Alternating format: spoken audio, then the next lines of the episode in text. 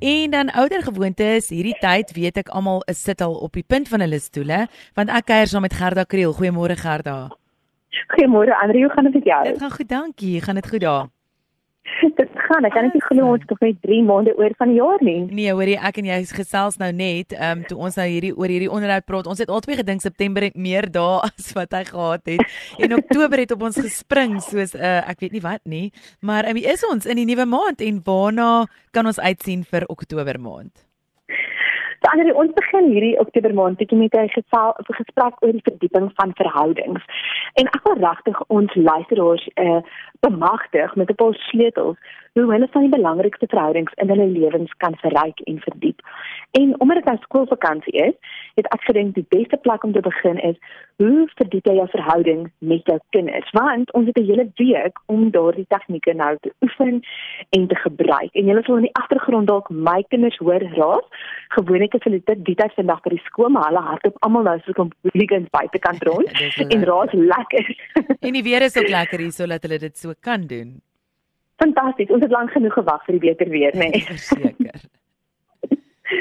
Ja, so as ons bietjie kyk na wat die navorsing vir ons sê oor verhoudings, dan weet ons dat verhoudings en goeie kwaliteitsverhoudings is een van die markers wat eintlik gebruik word om lewenskwaliteit en lewenssatisfaksie of lewenstevrediging aan te vul.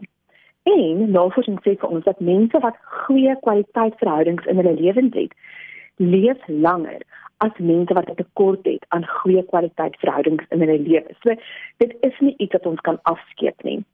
Al hoe meer en meer navorsing word in spesifiek hierdie veld gedoen en as ons kyk na watter tipe verhoudings die belangrikste is, dan is dit nommer 1 jou romantiese verhouding, met ander woorde met 'n lewensmaat, tweedens met jou kinders of jou uitgebreide familie en derdens met vriende en kennisse. So ons gaan dan ook in hierdie volgorde bietjie kyk na hoe mens regtig verhoudings kan verdiep. Maar kom ons begin met die verhouding met jou kind. Goed. Dit is ongelooflik en Jordan Peterson sê baie keer dat die verhouding met jou kind kan die enkel mees bevredigende verhouding van jou hele lewe wees. Want jy is die enigste mens wat daardie kind sal ken van die oomblik wat hulle bestaan begin het. Met ander woorde, tydens swangerskap, by hulle geboorte en om daardie persoon ten volle te kan lief hê met al die kennis wat jy van hulle het, sal nie net vir daardie kind goed wees nie, maar sal vir jou ook diep persoonlike groei beteken en sal vir jou die kans gee om in 'n verhouding te wees wat uiteindelik meer intiem kan wees as enige ander verhouding op 'n emosionele manier, selfs as met jou lewensmaat, omdat jy van die begin af betrokke is. Maar dit is baie moeiliker om ons verhoudings met ons kinders reg te kry as wat ons dink. En terselfdertyd is dit ook baie makliker. Ek sê altyd vir ouers as hulle my kom sien in my spreekkamer dat ek regtig namens alle sielkundiges moet groot om verskoning vra dat ons ouerskap so ernstig kompliseer is. Want eintlik in essensie is ouerskap nie 'n stel tegnieke nie en dit is nie 'n stel reëls wat jy moet volg nie en dis nie 'n filosofie nie. Ouerskap is in sy essensie. Dit maak die bosbek verhouding. Dis 'n soort verhouding waar jy eintlik lank van jou kind in ritme moet tree. Nou as jy soos ek is, het jy tye wanneer jy verhoudings met jou kinders 'n bietjie nader is en dan weer ander tye wanneer jou verhouding 'n bietjie verder is, wanneer daar miskien konflik ingetree het of ander uitdagings of ander probleme of dit jou kind wegtrek van jou. Nou ek dink elke ouer begeer 'n uh,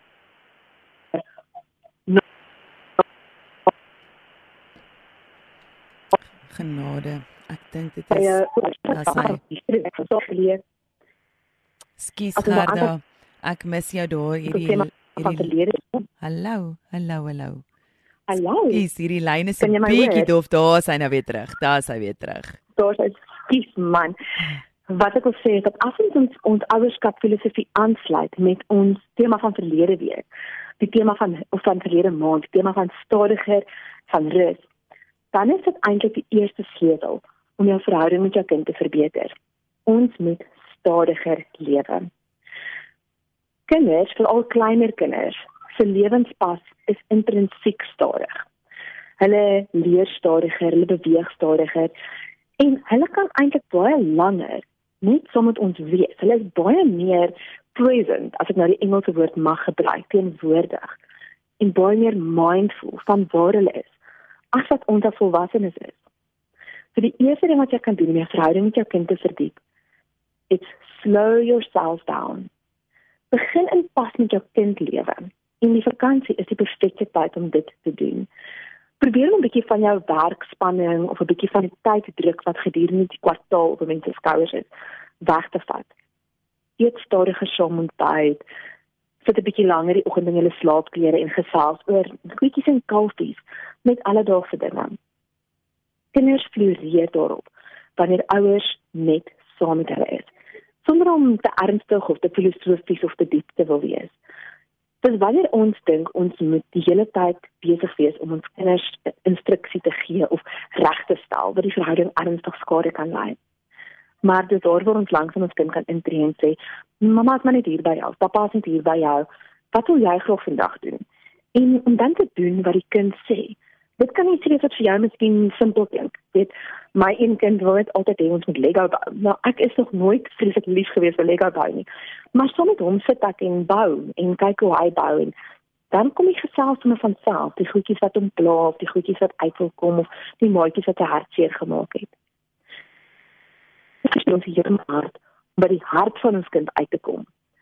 Maar om by daardie hartjie uit te kom, het ons nodig om stadiger te leef want kinders weet intuïtief wanneer ons gejaagd is en wanneer ons eintlik nie tyd vir hulle het nie. So, liewe ouers, gebruik hierdie tyd hierdie vakansie om sommer jou kind net 'n bietjie te wees. Wat ook al hulle wil doen. Hou die verwagtinge af van sekere tye op sekere plekke en hou selfs die verwagting van jou af oor presies wat jy moet eet en hoe jy moet eet. Take the tension away. Sodat die verhouding met jou kind net een kan wees van same same sein en en kameraadskap en kyk hoe verander en verdiep jou verhouding met jou kind. Nou daar word daar ernstige probleme of ernstige uitdagings is vir julle verhouding dalk al ernstig verbroken is. Is dit ook 'n goeie plan om iemand professioneel te gaan sien om as raad te kry om julle spesifieke uitdagings aan te vul. Maar vir die res van ons, hoop ek regtig julle kan hierdie raad toepas. Lewe bietjie stadiger. Stap saam met jou kind langs aan jou kind en wees die teenwoordige oor wat elkeen nodig het. Ag lekker Gerda, ek gaan ek sien uit na hierdie maand want dit is definitief daai daai verhoudings wat 'n mens moet verdiep en dit begin by jou gesin en net soos wat jy nou gesê het, dit begin by jou gesin, dit begin by jou kinders. Ons het die tyd nou vir hierdie week. Die onderwysers is bietjie af. Jy as mamma kan net so bietjie asemhaal. So kom ons kyk net hoe ons net so bietjie daai pas net kan stadiger maak en dan van daar af net kan aanvat. Vreeslik dankie. Ek sien uit na hierdie maand.